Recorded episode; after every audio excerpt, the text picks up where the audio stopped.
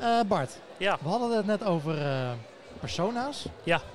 persona's, Eh, CQ, MB persoonlijkheidstesten. MBTI kwam voorbij. Ja, en toen sloeg je op teelt, leek het wel. Nou ja, ja, ja. ja, Vertel, wat wil je het over hebben? Ehm, nou ja, eh, jij sloeg aan toen ik eh, MBTI of misschien ook wel het Heisenberg-model tevoorschijn toverde. Dus ik ben benieuwd als, jij zei toen heel duidelijk, als psycholoog heb ik daar een mening over. Brand los. Ja, de, als- ik MBTI eh, hoor, dan denk ik altijd wel een beetje... eh,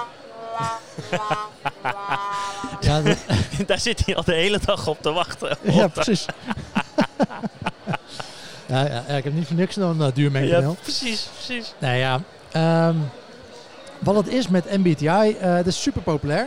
Ja, Eh, zeker. eh, ook bij, eh, bij bedrijven natuurlijk, gewoon om intern niet zozeer, Opdrachtgevers, ja. niet zozeer klanten te, te, in hokjes te stoppen, Ja. maar ook om dat met je eigen medewerkers Ja. te doen. Teams te bouwen en zo. Ehm, Ja. Nou, ik denk dat je, ja, daar begint het al. Ik, ik, hoop, ik mag hopen dat je wel een team kan bouwen zonder eerst een MBTI-vragenlijst eh, af te werken. Ja, naarmate het meer corporate wo- wordt, moet het meer in checklisten zitten natuurlijk. Dus Ja. Ehm, we hebben, we hebben, nou ja, er zijn meerdere kanttekeningen te maken bij MTI, MBTI, laten we het zo zeggen. Het is, eh, Maar gaat Eh, dit over MBTI specifiek of ja. gaat het over al die verschillende nee, nee, nee, het gaat, eh, over, gaat over MBTI specifiek. Oké, dat is het, de dochter-moeder combinatie Myers en Briggs. Ehm, en, dat, en, en het begint al een beetje bij dat zij geen psychologie gestudeerd hebben. Of iets gestudeerd hebben volgens mij. oké. Ehm, ze hebben dit gebaseerd op ehm, ehm, eh, persoonlijkheid van, eh, of, of een, eh, een onderzoek van eh, een publicatie van de heer Jung, een bekende psycholoog. Zeker. Ehm, maar MBTI, ehm, ja, niet omdat ze moeder en dochter zijn, zeker niet nu we het hier over wo- women en analytics hebben. Dat- Ja. dat- Het geslacht maakt niet uit. Maar het, het gaat erom, ze hebben gewoon iets bedacht wat hun leuk lijkt, zeg maar. Ehm, en dat is verder weinig onderbouwd met, met onderzoek. Oké. Eh, ze hebben dus wat, zij, wat hun, hun eh, test doet, is basically mensen indelen in 16 hokjes. Eh, Ja. En die 16 hokjes, daarbij bijvoorbeeld een NTJI.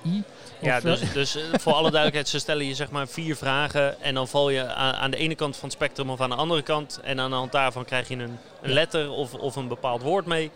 En die vier vragen bij elkaar, de antwoorden erop, dat maakt jouw persoonlijkheid. nou, ja, volgens mij stellen ze wel meer dan vier vragen, volgens mij. Ik denk dat de test wel wat complex Nee, ja. Misschien hangt het af van de variant van de tekst. Maar ze, ze willen je in één van die 16 vakjes, dan heb je minimaal wel... Nee, ja, eh, sorry, ik zeg het inderdaad niet goed, maar ik bedoel, je hebt vier spectrums, dus introvert, Ja. extrovert, Ja. eh, snel beslissend, langzaam beslissend.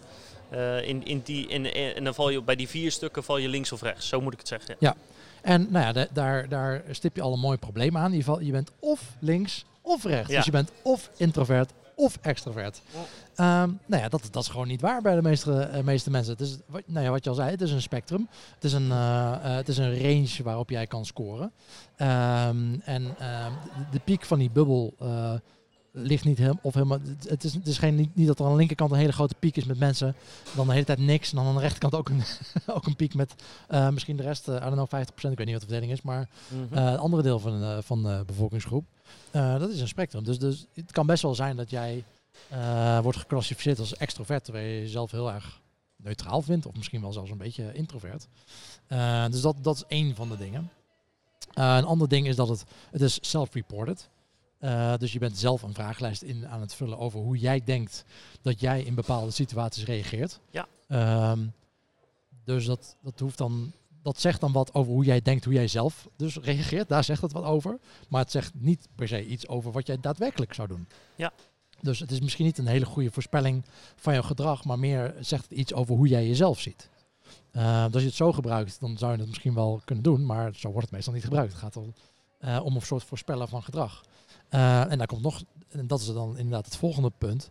Eh, die predictive value eh, van zo'n test is best wel laag, zeg maar. Van, het, het, het is een hele slechte indicator voor, voor het voorspellen van het gedrag wat iemand gaat, gaat vertonen. Eh, dus Hoe weet je dat? Dat is getest. Oké, nou dat vind ik interessant. Eh, en, en dat zijn. ehm, Uh, en, en dat daar, zeker nou ja, wat we het net over hadden met, met persona's, dat is natuurlijk wel waar je het voor wil gebruiken. Ja. Het moet actionable worden en daarvoor moet, moet zo'n gedrags, uh, dat je iemand in zo'n hokje duwt, moet dus een, een, een, betrouwbaar voorspeller worden van het gedrag dat iemand vertoont. Nou, dat, daar is het dus uh, niet, zo, niet zo heel goed in. Um, en um, een beetje het laatste punt, derde of vierde punt denk ik, waar we nu, nu op zitten. Um, is dat de, de, de retest, uh, de, de, reliability, dat jij um, als jij opnieuw die test doet, dat je in exact hetzelfde vakje terechtkomt, ja. die is ook niet zo groot. Okay. Uh, dus je kan, uh, nou ja, als je, als je een week later die test doet, kan, en, en misschien een andere variant van die test of zo, dan kan je makkelijk in een ander vakje belanden. Ja, dat is natuurlijk gek, want Ja. jouw persoonlijkheid is waarschijnlijk niet heel anders. Nee. Dus in, in die zin is het, is het een, is het een gekke, gekke test met, met redelijk wat problemen in, in betrouwbaarheid, uh, validiteit, hertestbaarheid. Eigenlijk alles. Uh, ja. ja, precies. ja, het is zo, zo super populair. En ik heb ook. Waarom is het dan zo populair? Is het gewoon Nou ja, het makkelijk? is- het is makkelijk, marketingtechnisch uh, goed? Ja, nou ja, en ehm nou ja, Sex and the City ma- maakt ook eh, gebruik van. En heel veel tv-programma's maken. En met Friends en zo, die maken dan gebruik van zo'n persoonlijkheden. En dan delen we mensen zo in. En dan stoppen we helemaal mensen in een hokje. En eh, dan, dan, dan eh, maken we daar een persona van, zeg maar. Eh, en, maar voor bedrijven werkt het ook heel. ehm, het voelt heel makkelijk, zeg maar, om iemand in hokjes te douwen. Ja. Ehm, eh, terwijl die persoon daar misschien ten eerste niet in thuis hoort, daar zich helemaal, zelf helemaal niet prettig bij voelt. Ik heb ook een keer zo'n, eh, nou ja, gingen we dat met het bedrijf doen. Nou ja, ehm, toen had ik die studie psychologie al gedaan, dus ik had van tevoren al mijn bedenkingen. Maar dan merk je dus ook tijdens zo'n test van, eh, dan heb je dat gedaan. Ehm, en dan, ehm, dan, weet ik veel, dan moet je weer een of andere oefening gaan doen. Nou, die, dat was gewoon een onderdeel van een, van een groot programma. Dat was een onderdeel was de MBTI-score. Werd dan ook met de rest gedeeld, zeg maar. Maar dan merk je meteen dat iedereen jou in vakjes gaat indelen. Oh ja, maar Guido, jij bent eh, introvert of eh, jij bent dit. Dus vind jij dit niet leuk? Ja. Van, wat? Ja. Ehm, je kan het ook aan me vragen. Eh, en, maar dat, dat voelt dan niet heel erg... Ik vind het niet heel erg prettig voelen, zeg maar. En dat is dan een beetje eh, onrealistisch eh, om, dat, om dat te doen. Ehm, Ja, ik, ik moest ook lachen. Ik heb, ik heb de test ook wel eens gedaan. En ik vond de beschrijvingen van, van, de, hè, van de 16 verschillende persona's. ze hebben ook allemaal een naam volgens mij, hè? Ja, ze hebben allemaal Ja. een naam. Generaal of zo, Ja, of, ja, eh, dat ja dingen? klopt. Eh. Dus eh, één, het is allemaal heel erg vlijend. Weet je, Eh, Ja. het, het is vooral positief. Ja. Ehm, maar het heeft ehm, heel erg dat, dat neuromarketing principe, maar ik ben de naam even kwijt, zeg maar, wat ze ook gebruiken voor horoscopen. Namelijk, het lijkt heel persoonlijk, Ja. maar eigenlijk Ja, kan je iedereen het, van toepassing. of, of in elk geval op heel veel mensen. Als je, als je ze zou lezen voordat je de test doet, Juist, juist. dan ga je bij elke denken van, oh ja, oh ja. Ja, exact. Dat, Ja. eh, dat zit er heel erg in. Er is een specifieke naam voor, voor, dat, eh, voor dat principe. Ah, oh ja. En dat vond ik zelf dat er, eh, dat er heel erg in zat. Want ik heb toen ehm, mijn, ehm, mijn versie gelezen, zeg maar. En toen dacht ik van oké, nou volgens mij klopt dit wel aardig. En toen ben ik de andere 15 door gaan lezen. En uit mijn hoofd even bij ongeveer in elk geval 10 van de 16 dacht ik bij mezelf, nou al had ik die gekregen, was ik het ook ook goed geweest. ja. Ehm, plus dat je inderdaad natuurlijk heel veel situationele dingen hebt. Ook gewoon hoe je in je energie zit. Hè? Als je bijvoorbeeld... eh, hè, ik, ik ben iemand die volgens mij redelijk op de lijn zit van introvert extra, eh, extravert.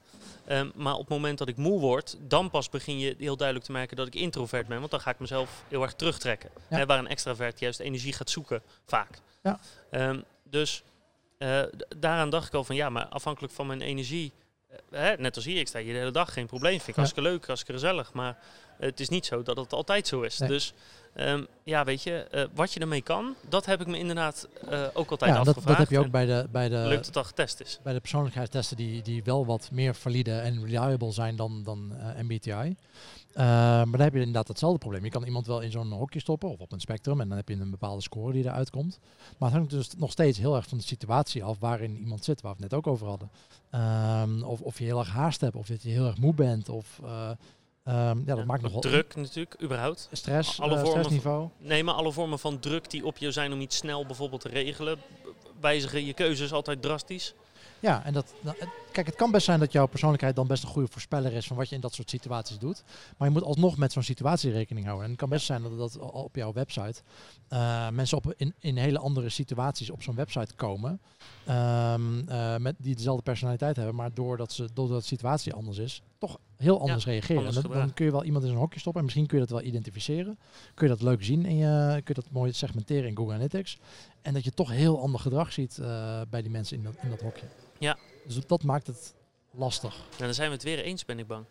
Nee, eh, het maar, maar dan heb ik wel even de, de, een soort vervolgvraag eraan. Wat vind je voor, eh, voor, voor modellen, voor bijvoorbeeld dat Heisenberg-model, om, eh, om te gebruiken voor optimalisatie? Op moment, Heisenberg ben ik niet zo bekend mee eigenlijk. om, dat is, Dat, dat, dat zat niet in mijn op het moment dat je zelf geen... Oké, nou... eh, ehm, ze, heb wel- ze delen zeg maar websitebezoekers in, in, in vier zeg maar, soorten. Ja. En eh, het begint met competitief, die is snel en rationeel.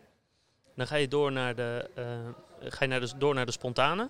Ja, wat? het zijn er drie. Nee, vier, vier, zo. nee dus de- die is snel en rationeel. Dan ga je door naar de spontane, die is ook snel, maar die is irrationeel, Oh, zo, emotioneel. ja, ja.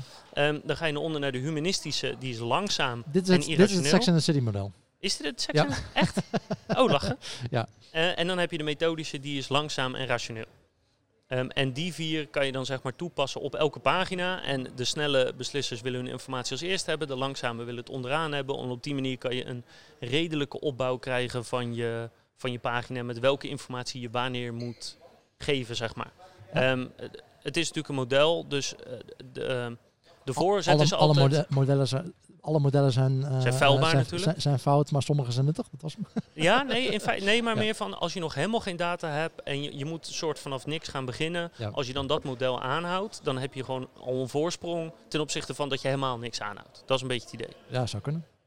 Maar je bent er gewoon niet, niet bekend mee. Of Nou ja, het, je ik- past heb het, het- nooit toe. ik heb het nooit gezien dat het online wordt toegepast en dat het, dat het zeg maar bruikbaar was.